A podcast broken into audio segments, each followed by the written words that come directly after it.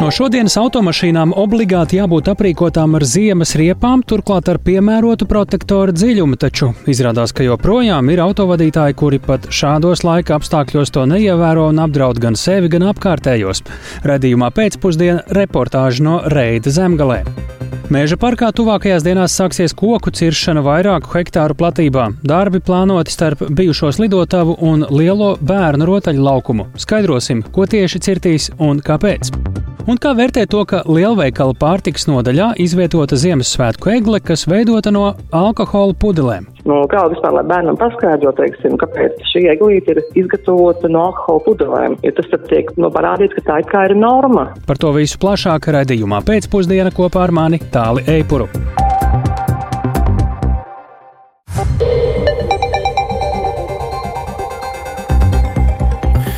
Pūkstens rāda 16,5 minūtes, skan pēcpusdienas ziņu programma, skaidrojot šodienas svarīgus notikumus. Studijā tālāk Eipurs. Labdien!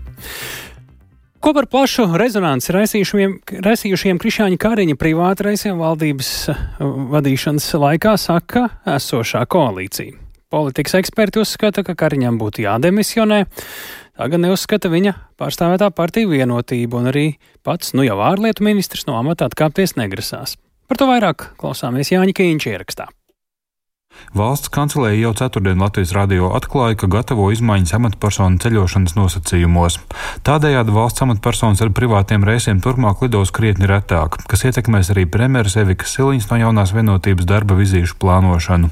Tā ir reakcija uz plašu publicitāti guvušo informāciju par iepriekšējās valdības vadītāja Krišāņa Kariņa veiktajiem 36 lidojumiem ar privātajām lidmašīnām. Lidojumi izmaksājuši vairāk nekā 1,3 miljonus eiro no valsts un arī Eiropas Savienības budžeta. Lidojumu praksi izvērtē gan valsts kontrole, gan arī ģenerāla prokuratūra. Ņemot vērā plašo rezonanci sabiedrībā par bijušā premjera lidojumiem, viņam vajadzētu atkāpties no ārlietu ministra amata. Tā Latvijas radio raidījumā labrīt pauda Rīgas Tradiņu Universitātes politikas zinātnes katedras profesora Ilga Kreitusa, gan arī iepriekš Latvijas televīzijā arī politologs no Latvijas Universitātes Jānis Ikstens atkāpties pašam vai vienotībai pieprasīt viņa atkāpšanos. Jo partijas nedarīšana, partijas pārstāvju uzstāšanās masu mēdījos, vēl mēģinot attaisnot un sakot, ka viņi nezina faktus, gremdē pašu partiju. Jaunās vienotības tagadējās koalīcijas partneri redz atbildību parūpēties par pamatotiem lidojumu izdevumiem tagadējās valdības laikā. To atzina progresīvā viens no līderiem Andris Šuvājevs. Manuprāt, arī šai valdībai ir ļoti svarīgi pateikt, ka tikai un vienīgi ārkārtas gadījumos šāda veida avio reisi tiks izmantoti. Bet kopumā, manuprāt, manuprāt, valsts amatpersonām ir jāizmanto komercreisi. Manuprāt, tā ir mums kā progresīviem vissvarīgākā atbildība - pārliecināties tieši par to, kā šāda veida iespējamie pakalpojumi tiks, bet cerams netiks izmantoti šajā valdībā. Politiķi gaida valsts kontrolas secinājums par iepriekš piekopto lidojumu praksi. Tāpēc pašlaik nogaidoši ir otri koalīcijas partneri Zaļo un Zemnieku savienība. ZZS saimas frakcijas vadītāja vietnieks Augusts Brigmans atsaucas uz novērojumiem saimas pieprasījuma komisijā. Tur ar aizbildinājumiem par sensitīvu informāciju neatklāja, kas vēl bez toreizējā valdības vadītāja devušies lidojumos. Droši vien, ka ne, neiztiks bez uzvārdu publicēšanas, kas tur ir lidojuši. Nākošais jautājums ir ļoti precīzs, varbūt skaidrojums par tādām sensitīvām lietām. Kāpēc, piemēram, ja tur ir trīs lidojumi uz vienu vietu bijuši, kāpēc ir vajadzīgs ir bijis nu, šis obligāti speciālais reizes? Jo tas, manuprāt, būtu spēcīgs arguments pateikt, jā, trīs reizes bija tajā dienā, bet viņš lidoja ar to lidmašīnu tāpēc, ka tur bija nu, tāda Latvijai svarīga lieta, kur viņš nevarēja nekādīgi izvairīties no šī tā lieta. Koalīcijas partneri jautājumu par Kariņa atbildību un iespējumu atkāpšanos no amata mudina uzdot viņa pārstāvētajā partijā vienotība. Saimnes pieprasījuma komisijā jau divreiz ir izskatīti pieprasījumi saistībā ar ekspremjera privātajiem avio reisiem.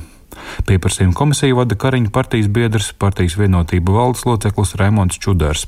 Viņš stāsta, ka valsts kancelē nulakās negūs atbildes arī uz jautājumiem par lidojumu dalībnieku uzskaitījumu. Kopā ar Kariņu lidojumos devušies arī premjera biroja un ārlietu ministrijas darbinieki, kā arī valsts drošības dienesta darbinieks. Uz jautājumu, vai partijā vienotība pārunās privāto lidojumu tematu, Čudars atbildēja šādi. Jebkurā gadījumā partija noteikti uzklausīs viedokli gan no ministra prezidents, gan no patreizējā ārlietu ministra un bijušā ministra prezidenta par šo situāciju. Šobrīd ir pilnīga informācija par to, kas ir noticis, un tā ir redzama. Jebkurā gadījumā nu, šobrīd nav situācija, ka rodas kādi papildus īpaši jautājumi. Rakstiskā atbildē Latvijas radio Krišjāns Kariņš pauž arī stingru pārliecību, ka premjeram ir jāieņem aktīva loma Latvijas ārpolitikas veidošanā. Covid-19 pandēmijas un Krievijas iebrukuma Ukrainā dēļ bijuši būtiski avio satiksmes traucējumi un problēmas ar komercreisiem. Sākoties Krievijas pilna mēroga iebrukumam Ukrainā, pieaugusi ārpolitikas loma gan atbalstā Ukrainai, gan Latvijas drošības stiprināšanā, gan Krievijas savaldīšanā. Vizītes nereti organizētas pēdējā brīdī, tāpēc vairākas reizes izmantot speciālie reisi reisi, bet lielākoties izmantoti komercreisi. Turpinājumā citāts no Krišāņa Kariņa rakstiskā paziņojuma, ko atsūtīja ministra pārstāvis Sandris Sabājevs. Piekrītu, ka vienmēr ir iespējams pilnveidot procedūras, šajā gadījumā procedūru, kādā augstākajām valsts amatpersonām ir iespējams izmantot speciālo reisu pakalpojumus un kāds tam ir atvēlamo līdzekļu apjoms. Uzskatu, ka ar savu darbību ārpolitikā esmu audzējis mūsu valsts lomu Eiropas Savienībā un NATO, kā arī sekmējis Latvijas valsts drošības stiprināšanu. Pieņemot kritiku un ieteikumus politiskās darbības pilnveidošanai, turpināšu darbu Latvijai un sabiedrībai. Neplānoju atkāpties no ārlietu ministra amata. Lai arī Saimnes komisijā noraidīja deputātu pieprasījumu Kariņam skaidrot šo situāciju, par to nākamajā trešdienā Saimnes plenārsēdē vēl gaidāmas atsevišķas debatas. Jānis Kincis, Latvijas Radio. Un turpinām raidījumu pēcpusdienā. Notikuma Ukrainā ir arī, kā dzirdējām, viens no iemesliem eh, šādiem iepriekš varbūt grūti ieplānojumiem lidojumiem, bet Ilgi gaidītais Ukrainas pretuzbrukums vasarā un rudenī tomēr nav nesis vēlamos rezultātus un izrāvienu karā pret Krievijas armiju nav izdevies panākt. Nu, to diezgan tieši atzinis arī Ukrainas prezidents Volodimirs Zelenskis.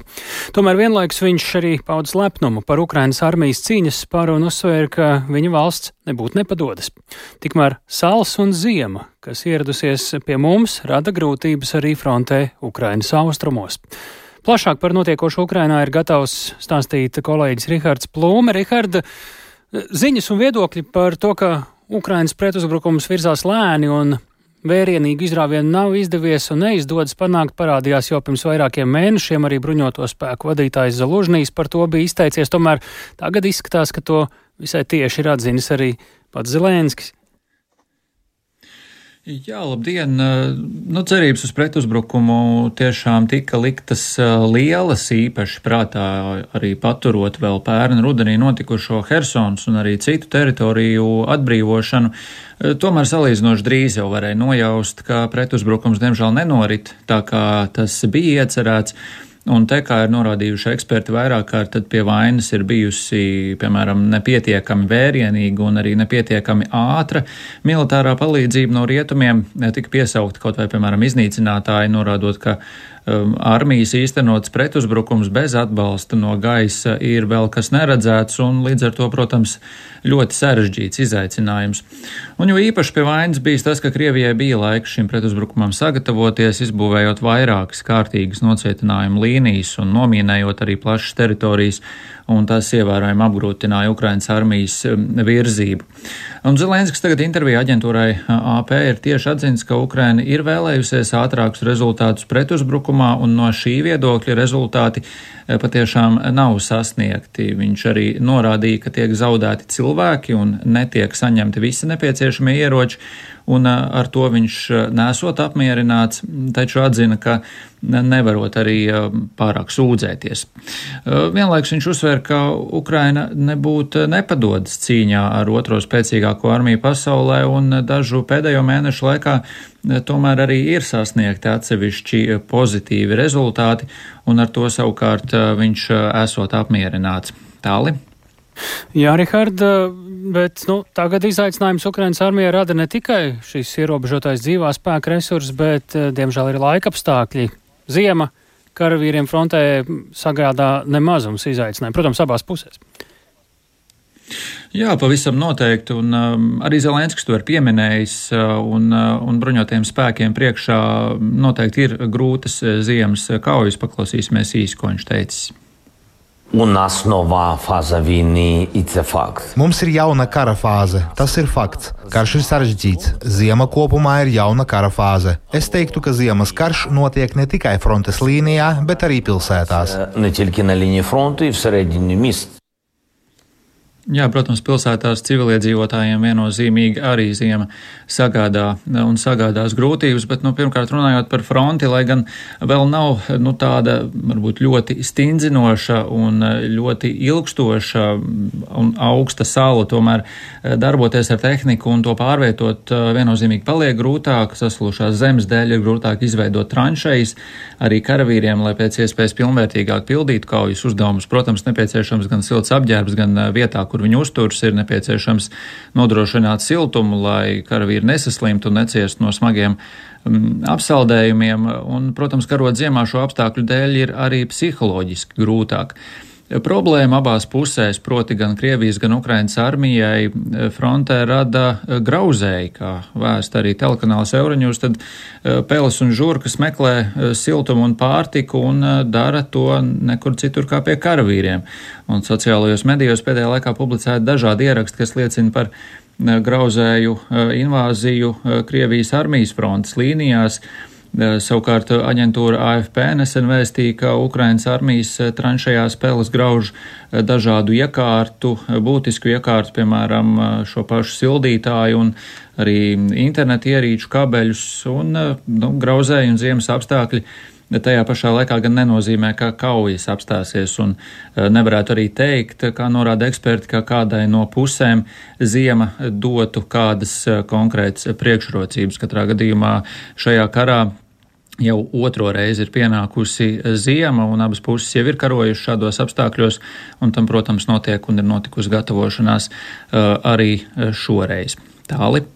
Nu jā, tās priekšrocības ziemas apstākļos ir ļoti atkarīgas no konkrētās situācijas, ūdens tilpju izvietojuma un tam līdzīgi. Tā kā pārs, pārsvars izteikts vienai no pusēm pavisam noteikti ziemas laikā nav. Paldies Rihardam Plūmēm tik tālu par svarīgāko šobrīd no Ukrainas, bet Ja runājam par citām valstīm, ar kurām tā skaitā robežojas Latvija, tad ir ievērojami pieaugušas kravas auto rindas pāternieku robežu kontrols punktā. Tas notiek pēc tam, kad šis punkts jau kādu laiku ir kļuvis par vienīgo, kurš čērsot Latvijas-Baltkrievijas robežu. Kā zināms, septembrī tika slēgts otrs Silenes robežas šķērsošanas punkts. Šobrīd uz robežas savu gan šoferu, gan vietējo iedzīvotāju sašutums, un mēs esam sazinājušies ar kolēģi Renāti Lāsdiņu no Latvijas radio Latgales studijas. Kāda ir situācija pat labi uz robežas, Renāti? Jā, labdien, klausītāji, labdien, tāli. Uh, situācija ir šāda, nu, tad, kā jau visā Latvijā, arī Latvijā šodien ir mīnus 5, mīnus 7 grādi un, un, un sniegs un putenis, bet uz šosejas Paternieki Krāslava šobrīd ir apmēram 17-18 km gara rinda. Uh, ar uh, kravas autotransportu, kurš mēģina šķērsot Latvijas-Baltkrievijas robežu. Uh, nu, jāsaka, gan, ka katru gadu, gada beigās šīs rindas ar kravas eh, transportu palielinās uz uh, robežas, bet nu, šogad, protams, ir uh, dažādi apstākļi. Nu, teiksim, šo te rindas garumu iespējams arī palielinājušas, jo ir slēgti robežu kontrolas punkti Eiropā, Baltijā. Tāpat arī uh, Latvijā, Silenē, tikko arī Somija slēdza savus uh, robežu kontrolas punktus. Un, un, Un tāpēc pilnīgi iespējams, eh, ka tas ir viens no iemesliem, kāpēc šie tie, mm, nu, kā rindas e, palielinās. Un savu sašutumu, protams, mums šodien uh, neslēpa mm, daži no satiktajiem kopumā. Mm, šobrīd ir 640 kravas automašīnas uz izbraukšanu uz Baltkrieviju gaida, un sašutumu pauž gan par uh, robežas uh, nu, lēno caurlēdību, gan par infrastruktūras nepiemērotību, uh, lai gaidītu, nu, dažiem jāgaida pat piecas un vairāk dienas uz robežas. Es aicinu paklausīties, ko mums šodien teica uz, robežu, uz robežas satiktie autotransporta vadītāji. Ну, стали уже больше двух суток. За это время всего 800 метров продвинулись. Stāvu jau divas diennaktis. Pa šo laiku nobraucu 800 metrus. Rinda vispār nekustas uz priekšu. Turklāt uz paša robežu punta vēl 270 mašīnas pātrinātā rinda. Sanāk divas mašīnas no turienes, divas no kopējas rindas. Nesaprotu, kāpēc citi kolēģi viņiem nenek palīga. Negrib strādāt. Jo puši par acīm runā, ka Baltkrievijas puse tikai trīs mašīnas. Pie viņiem ir tukšs. No šienes neiziet mašīnas. Стою третий день. Получается, за это время проехал полтора километра. Stāvu trešo dienu. Pa šo laiku esmu nobraucis pusotru kilometru. Cerams, līdz jaunajam gadam robežu pārbrauksim. Tuvāk robežai ir biotūlete, bet šeit vienīgais, kas ir, tā ir atkrituma tvertne pie stabiem. Degviela jau beidzas, pārtiku pievad klāt. Dažiem aizsāst mašīna. Visādi notiek. Перестает работать, замерзают люди. По-разному бывает. Ну, все хуже. Runa, ka 20 dienas sanāk stāvēt. Бэтнав ну, не знаю, ну, не vпервые уже vторой reis tā kā. Jā, nu kā dzirdējāt, kravas transporta līdzekļu vadītāji ir diezgan sašutuši, nu, bet viņi ir arī pieraduši pie situācijas, jo, kā jau teicu, gada beigās parasti rindas palielinās, bet šobrīd ir pastiprināti šie apstākļi, gan arī pastiprinātā pārbaudas mašīnām, lai nebūtu e, no sankcijām izslēgto preču grupas e, autotransporta līdzekļu e, kravas kastēs. Un, e, es aicinu varbūt paklausīties arī, ko, kā šo situāciju skaidro, kāpēc ir izveidojušās varbūt tik garas rindas, eh, kad eh, 640, kā jau teicu, kravas automašīnas gaida rindā. Skaidro pāternieku un Indras muitas robežu kontrolas punktu vecākais muitas virsuzraugs Uldis Ruļuks. Aicinu paklausīties. Iemesli tam ir slēgti daudzi muitas kontrolpostiņi Eiropā, Baltijā, tepat Latvijā, Silonē. Gada beigās katru gadu rindas paliek lielākas. Nu, šīs gads arī nav izņēmums. Visdažādākās no visas Eiropas kravas transporta līdzekļu. Kravas arī visdažādākās.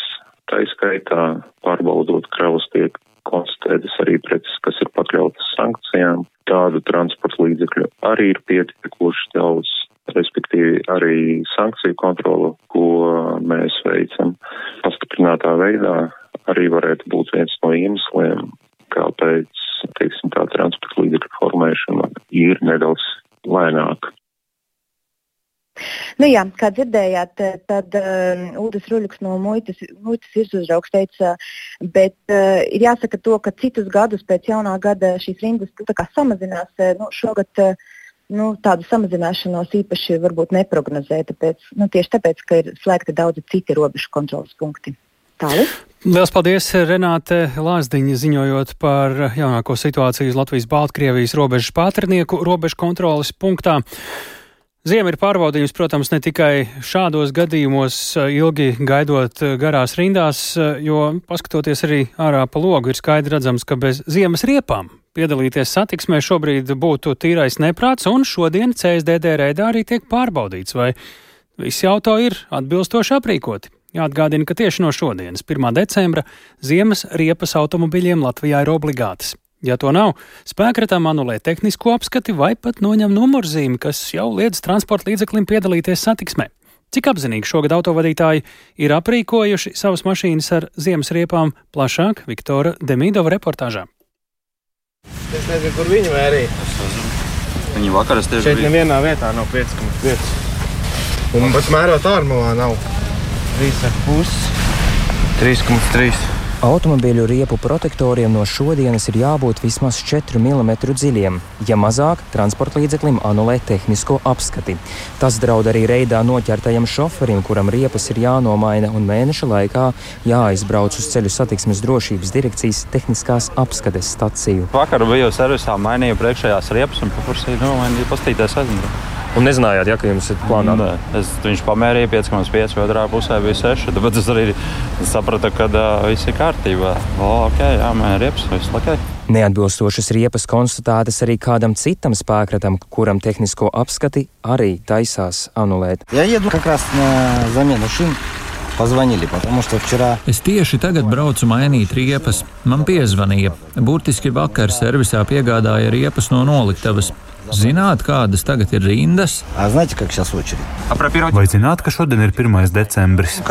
Zinu, protams. Nodilušu ziemas riepu fiksē vēl vienam automobilim. Ceļu satiksmes drošības direkcijas mērierīce parāda, ka zem 4 mm ir aizmugurējā riepa. Mazāk par 4 jūs zinājāt? Es zināju, jā. Kāpēc braucāt? Kas mazāk par 4? Tur rāda 3,92 mm. Es nezinu, cik tur rāda. Nu, tikko redzēju, rekurbu kungam rokās 3,92. Nu nu, ko man tagad darīt? Nu, jāmaina. Nu, droši vien. Bet jūs nezinājāt, ka jums ir mazāk? Nē, man, man ir četri. Man mājās ir mērītājs. Es eh, pirms kādas nedēļas mērīju, bija četri. Vēlāk ceļu satiksmes drošības direkcijas pārstāvi gan atzina, ka viņu mērierīce uzrādīja kļūdu, tāpēc šoferis varēja doties tālāk. Reidu veids vairākās vietās Jelgavā, kur piecu stundu laikā no aptuveni 300 mašīnām septiņām riepas nebija atbilstošas. Savukārt vēl 20 vadītājiem tuvākajā laikā riepas būtu jānomaina, jo to protektoru biezums ir tuvu robežai. Tādas pārbaudes direkcija veic jau divas nedēļas. Secinājums - situācija ir bēdīga, atzīst direkcijas pārstāvis Uldis Zandbergs. Vēl vakar bija kurzemē, saldu liepājā, vēl bija transporta līdzekļi, kur brauc ar vasaras riepām.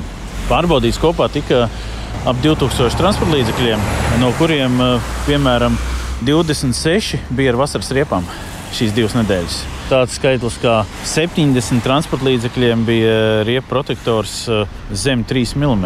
Tie būtu tādi, ja tas ir no 1. decembra, tad viņi būtu palikt visi ceļa malā un tālāk kustība varētu turpināt tikai uz evakuatoru. Jāņem vērā, ja fiksētais riepu protektors ir mazāks par 3 mm, tad spēkratam atņem numurzīmi, kas nozīmē, ka piedalīties satiksmē vairs nevar. Šodien tik neapzinīgs autovadītājs Jāgavā nebija fiksēts. Latvijas radio noskaidroja, ka atsevišķi autovadītāji nemaz nezina, kā pārbaudīt riepas, uzticot to servisim. Viktors Demidovs, Latvijas radio. 1. decembris, tātad no šodienas ziemas riepām automobīļiem Latvijā ir jābūt obligāti aprīkotām. Lai iedzīvotājiem palīdzētu izvēlēties vērtīgu un veselīgu pārtiku, diētas un uztura speciālistu asociācija radījusi uztura kvalitātes zīmi. Mērķis ir, lai pircējiem būtu vieglāk izvēlēties vērtīgus un veselīgus produktus.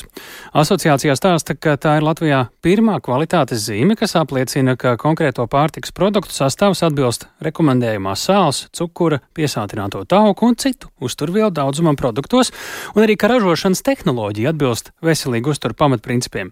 Pie mūsu klausos šobrīd ir diētas un uzturu speciālistu asociācijas valdes priekšsēdētāja Guna Bīlande. Labdien! Sveiki, labdien! Nu, kas un kā pie šīs zīmes varēs tikt? Tie būs tirgotāji, ražotāji, vietējie importa preces. Mm.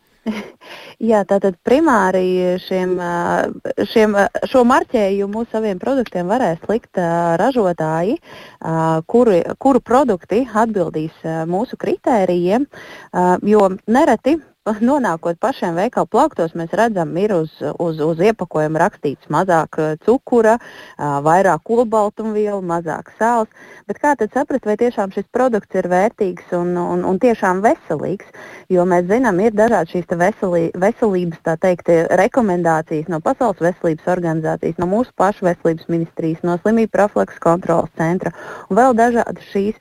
Un tad mēs ņēmām tālāk um, arī pārtiks tehnologus un izstrādājām kritērijus dažādām produktu kategorijām, uh, tieši ar mērķi, lai mēs varētu uh, palīdzēt pircējiem, Latvijas iedzīvotājiem um, atpazīt šos labos produktus. Jo mēs visu laiku runājam par kaut kādām teiksim, veselības uzlabošanu un cik ļoti liela no, loma ir uzturam, tad šis būs tāds nu, tāds kompass, kas palīdzēs eh, navigēt starp veikalu plauktiem un tiešām iedzīvotājiem izvēlēties vērtīgus un, un veselīgus veselībai uh, labus produktus, kas tiešām atbilstu šiem kritērijiem. Mm. Un, uh, šobrīd jau ir ražotāji, kas ir interesējušies, uh, kā, noteikti, uh, noteikti būs, uh, būs arī veikalu plauktos atrodams šīs uzraksts, iesaka uztur speciāli. Katram jau cits tas uzturs var gadīties, ka vajadzīgs un veselīgs, ne? Varbūt, bet nu, ir, ir, ir tāda kopēja principa, ka mēs saprotam, ka mēs negribētu produktus ar transtauku skābēm, vai ir zināms ēvielas, kurām ir pierādīts, ka tās nu, veselībai nekādā gadījumā nav vēlamas.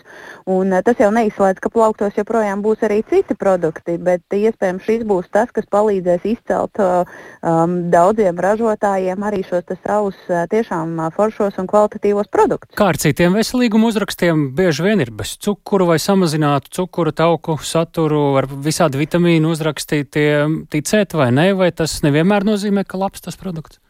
Nu, tas nevienmēr šo nozīmē. Mēs, protams, tiem produktiem, kuriem jau ir šāds veselīguma norādes, mēs viņus ņemsim vērā. Bet, redziet, e, piemēram, ja uz iepakojuma ir rakstīts mazāk uh, tauku, ja, bieži vien tas nozīmē, ka produkts saturēs vairāk cukura, uh, lai dabūtu šo te konsistenci, tekstūru, ja, uzglabājamību, vai būs pievienots kādas ēvielas, un kas produktu nekādā veidā nepadara ne pat cik kvalitatīvāku. Vai redzam, ka ir samazināts kaloriju daudzums, bet tās kalorijas ir nu, nieka 12 kalorijas mazāk nekā kaut kādā citā nu, līdzvērtīgā parastajā produktā. Attiecīgi šis produkts nekādā veidā tiešām nebūtu salīdzināms un atzīstams par veselībai vērtīgāku. Tāpēc um, mēs savukārt to izvērtējam tiešām no šīm tādām veselības uh, prizmas un šiem rekomendācijām, pierādītām, pamatotām rekomendācijām, kad šo gan mēs varam atzīmēt, ka šis der. Jo, protams, nav runa par uh, augļiem un dārzeņiem. Par tiem es ceru, ka mēs visi esam, varam vienoties vienoties, ka tie ir veselīgi, bet tieši rūpnieciski ražotajiem produktiem, nu šeit gan paliek interesantāk nu, izlasīt uz tās etiķetes, kas tas Aha. ir un vai tas, Labi. ir, vai tas ir veselīgs vai nē. Un vēl dažās sekundēs, kā un kad pircēji varēs ieraudzīt un kā izskatīsies tā zīme. Tātad šis logo viņu jau šobrīd var redzēt mūsu mājaslapā ldusa.lv, apskatīties. Tas būs kvadrātiņš, kur tādā tirkīs zilā krāsā, uz kura būs Aha. arī lieliem burtiem uzrakstīts iesaka uzturu speciālisti. Un, nu, šobrīd vakar mums bija prezentācijas pasākums ražotājiem. Interesi tiešām ir, par ko ir prieks. Um, es domāju, ka jau nākamā gada sākumā redzēsim. Paldies par sarunu. To mēs sākām Gunai Bīlandai. Pie mūsu klausos bija diētas un uzturs speciālistu asociācijas valdes priekšsādātāja, bet eh, turpinām raidījumu arī paliekot turpat pārtiks veikalā. Vai ir pareizi lielveikala pārtiks nodaļā izvietot Ziemassvētku egli, kas veidota no alkohola pudelēm? Ar Latvijas radio sazinājās sieviete, kas tādu tirzniecības vietā ir redzējusi, un viņa par redzēto ir sašutusi un jautā mums, cik ētiski tas ir laikā, kad valstī mēģinām mazināt alkohola patēriņu. Līdzīgi jautā arī mūsu aptaujātie eksperti, kuri gan arī atzīst, ka likums šādu reklāmu neliedz. Ņemot vērā, ka alkohola lietošana Latvijas radio ir pētījis projektā Zeme, kur dzer, par to runāts arī citos raidījumos, un arī saimā jau ilgāku laiku diskutē par dažādiem alkohola ierobežojumiem, nolēmām tematā ielūkoties dziļāk un plašāk Agnijas Lāsdiņas ieraksts. Tuvojoties Ziemassvētkiem, veikalos var dzirdēt ne tikai Ziemassvētku dziesmas, bet arī redzēt dažādus rotājumus un dekorācijas, kas paredzētas tam, lai veikalu apmeklētājiem radītu svētku sajūtu. Tomēr ne ar visām dekorācijām to izdodas panākt. Iegājis veikalā Stokmanā, es vienkārši biju nu, apmulsus, ieraugot šo egli, kas ir Ziemassvētku dekors, bet šī egle izveidota no alkohola pudelēm. Tā par savu redzēto stāsta juriste un rakstniece Džena Andersona. Veikala pārtikas nodaļā no tukšām zaļām stikla viskija pudlēm, kas saliktas uz statīva, ir radīta Ziemassvētku egle, kurai galotnē ir preces zīmola logo. Kā stāsta Džena, viņas prāt šāda dekorācija ir apzināta svētku degradēšana un cilvēku aicināšana lietot alkoholu, jo, ja valstī cīnās par to, lai lielu alkoholu patēriņu mazinātu, tad šis esot veids, kā rīkoties noteikti nevajadzētu. Šie svētki, šie eglīti, viņi jau saistās ar to, ka bērni iet pie šīs eglītes, viņi skaita dejolīšus, viņi par to saņem kaut kādas dāvanas. Nu, kā vispār, lai bērnam paskaidro, teiksim, kāpēc šī eglīte ir izgatavota no alkohola pudelēm. Jo tas tad tiek no parādīts, ka tā it kā ir norma. Un tad sanāk, teiksim, citas svētki, tās būtu lieldienas, tad ko nozīmē, ka mēs tagad no alkohola pudelēm veidosim krustu vai lieldienu zaķi vai šīs olas lieldienu, jā. Ja? Lai skaidrotu situāciju, universāla veikals Stokmana Latvijas radio sniedz rakstisku atbildi, ko citātā ielasīja Latvijas radio žurnāliste. Minētā Ziemassvētku egle šajā gadījumā ir mūsu sadarbības partnera veidots reklāmas plaukts eglis formā. Plauktā izvietota partnera produkcija, kas ir atrodama nodaļas sortimentā. Dzērieni ir izvietoti atbilstoši vispār pieņemtajām produktu reklamēšanas normām, un līdzīga tipa reklāmas aktivitātes svētku periodā nav nekas neierasts un sastopams arī citās produktu tirzniecības vietās. Līdzīga veida Ziemassvētku dekorācijas, kas veidotas no alkohola, ir iespējams redzēt arī citviet, tomēr cik pareizi un ētiski tādas šobrīd ir veidot. Pārkāpumus izveidotajā reklāmas plauktā nesaskata. Tā Latvijas radio norāda patērētāju tiesību aizsardzības centrs. Arī reklāmists Artūrs Mednis stāsta, ka tāda veida dekorācija nesot vienkārši veikala iniciatīva, bet gan reklāmas aktivitāte, ko visdrīzāk ierosinājis konkrēta alkoholiskā dzēriena tirgotājs. Tas ir veids, kā uzņēmums spēja vismaz kaut kā reklamēt un pievērst uh, uzmanību šim zīmolam. Latvijā darbojas alkohola likums, kas ierobežo alkoholisko dzērienu reklāmu. Nu, un tad ir dažādi varianti varianti, kā to var varbūt tā, teiksim, tā maigi apiet. Kāpēc tas tā ir, es to saprotu. Tagad no tāda ētiskā viedokļa es saprotu, kāpēc arī kāds varētu būt sašutis. Tas ir tiešām tāds jautājums, kā konkrētais tirgotājs vai kā konkrētais zīmols ir nolēmis cik tālu viņi ir gatavi iet. Es kā divu bērnu tēvs arī nebūtu baigi priecīgais, ka bērni ar mani atnākot uz veikalu to ierauga, bet nu, no otras puses tāda ir šī tirgotāja vēlme. Tik liela problēma neredz. Savukārt Latvijas Universitātes asociētā profesora un sociāla antropoloģija Ivita Putniņa norāda, ka tas esot vairāk ētikas, nevis likuma jautājums, kas parādot, cik dziļi ir iesakņojusies alkohola lietošana svētku tradīcijās. Viņa skaidro, ka šāda veida reklāma, kur nav nekas uzrakstīts par alkohola lietošanu, lietošanu, bet ir tikai klusi saliktas pudeles, sākotnēji maldīgi liekot domāt, ka līdz galam tā īsti nevienu neuzrunājot. Empiriskie pētījumi parāda, ka nu, šāda veida ekspozīcija bērniem, kur nu vēl arī no nu, pieaugušiem cilvēkiem, kuriem varbūt ir alkohola lietošanas problēmas, tad nu, tāda emocionāla sajūta, nu, ka tā ir eglīta un kas kaut kas jauks un tad tā, tā alkohola pudele apakšā, nu, ka tā rada tādu pretrunīgas sajūtas un, un iespēju veidu, un tad domājot par šādām vieglāk ietekmēmām grupām, dažiem prātīgāk būtu bijis izvairīties no tāda veida instalācijām. Šobrīd dažādos likumos veselības ministrija kopā ar citām ministrijām ir iesniegušas vairākus priekšlikumus, lai valstī samazinātu alkohola patēriņu un tā lietošanas radītās sekas. Piemēram, plānots aizliegt atļaut reklamēt televīzijā un radio dzirkstošos vīnus un sidrus. Kā norāda saimas deputāts Gatis Liepiņš no jaunās vienotības, lai gan pašlaik likums atļauj veidot tāda veida instalācijas, tomēr kas tāds veicinot alkohola lietošanu un impulsa pirkumus. Tāpēc no alkohola reklāmām un mārketinga akcijām būtu jāatsakās. Attiecībā uz reklāmas ierobežojumiem mērķis jau nav kaut ko darīt ar cilvēkiem, kuriem ir acīm redzamas alkohola lietošanas problēmas un kuri ir uh, smagi alkoholiķi. Tur viņus, diemžēl, vairs nevar glābt. Bet uh, šāda veida ierobežojumi tiek mērķēti uz uh, cilvēkiem, kuriem tādas vēl nav, vai pat bērniem, lai neradītu tādu priekšzīmi, ka alkohols ir vienāds ar sērkiem Mūsu mērķis ir pasargāt, lai pārmērīgi alkoholu nesāk lietot bērni, jaunieši vai uh, citi cilvēki, veicot šādus impulsu pirkumus un skatoties reklāmas ikdienā. Latvijā ir augstākais absolūta alkohola patēriņš sabiedrībā ekonomiskās sadarbības un attīstības organizācijas valstu vidū. Tie ir 12,2 litri uz vienu iedzīvotāju, neieskaitot turistu patēriņu. Agnija Lazdiņa, Latvijas radio. Meža parkā plānota meža kopšana, līdz ar to iedzīvotāji nākamnedēļ varēs novērot koku ciršanu. Darbi notiks starp bijušo slidotavu un bērnu lielo rotaļu laukumu. Tā ziņo uzņēmumā Rīgas meži. Pie mūsu klausulas šobrīd ir Sierīgas meža mežsēmniecības daļas vadītājs Uldis Gaisis. Labdien! Labdien! Cik plaša tā ciršana būs, ko tieši cirtīs, kāpēc un ko atstās, kas tur paliks? Nē, nu, jūs jau teritoriju faktiski tikko paši nodefinējāt. Faktiski ir aptuveni 30 hektāru liela platība. Um, pārsvarā zāģēsim to, uh, ko, kas šai mežā īsti neiedarās. Sāksim tātad ar pamežu kopšanu, kur mēs izkopsim uh, invazīvās sugas, tas ir korintas, uh, arī, arī riežu mežā neder, nederīgās kļavas, kas faktiski noēno paaugu un, un, un, un zemesēdzi un nerada priedēm raksturīgo mm, ekosistēmu. Uh, un, un, un eh, otrā stāvā arī tieši tāpat uh, rīkosimies uh, arī šīs pašas kļavas, otrā stāva, kas noēno priedes. Atstāsim, protams, ainaviskās skaistās kļavas, lai nebūtu, lai nebūtu teiksim, galīgs tāds trieciens. Visi darbi, vairāk vai mazāk, mēs esam skaņojuši arī ar vietējiem iedzīvotājiem, ar apkaimēm. Un arī ir pirms tam veikta arī cilvēku aptauja socioloģiskā, kur mums ir noskaidrojuši, esam, ka cilvēkiem vislabāk patīk tāds uh, gaišs, skraišs mežs, caurredzams mežs, kas arī ir no drošības viedokļa ir diezgan atzīstami. Un, nu, tas mērķis vairāk vai mazāk mums ir skaidrs, ka sakārtot uh, mežu atbilstoši tādam, kāds ir. Uh, Lielākā tiesa meža parka teritorijas ir iekšzemes piejūras kāpes vai vecboreālie meži, kas ir Eiropas Savienības Eiropas nozīmes aizsargājami biotopi.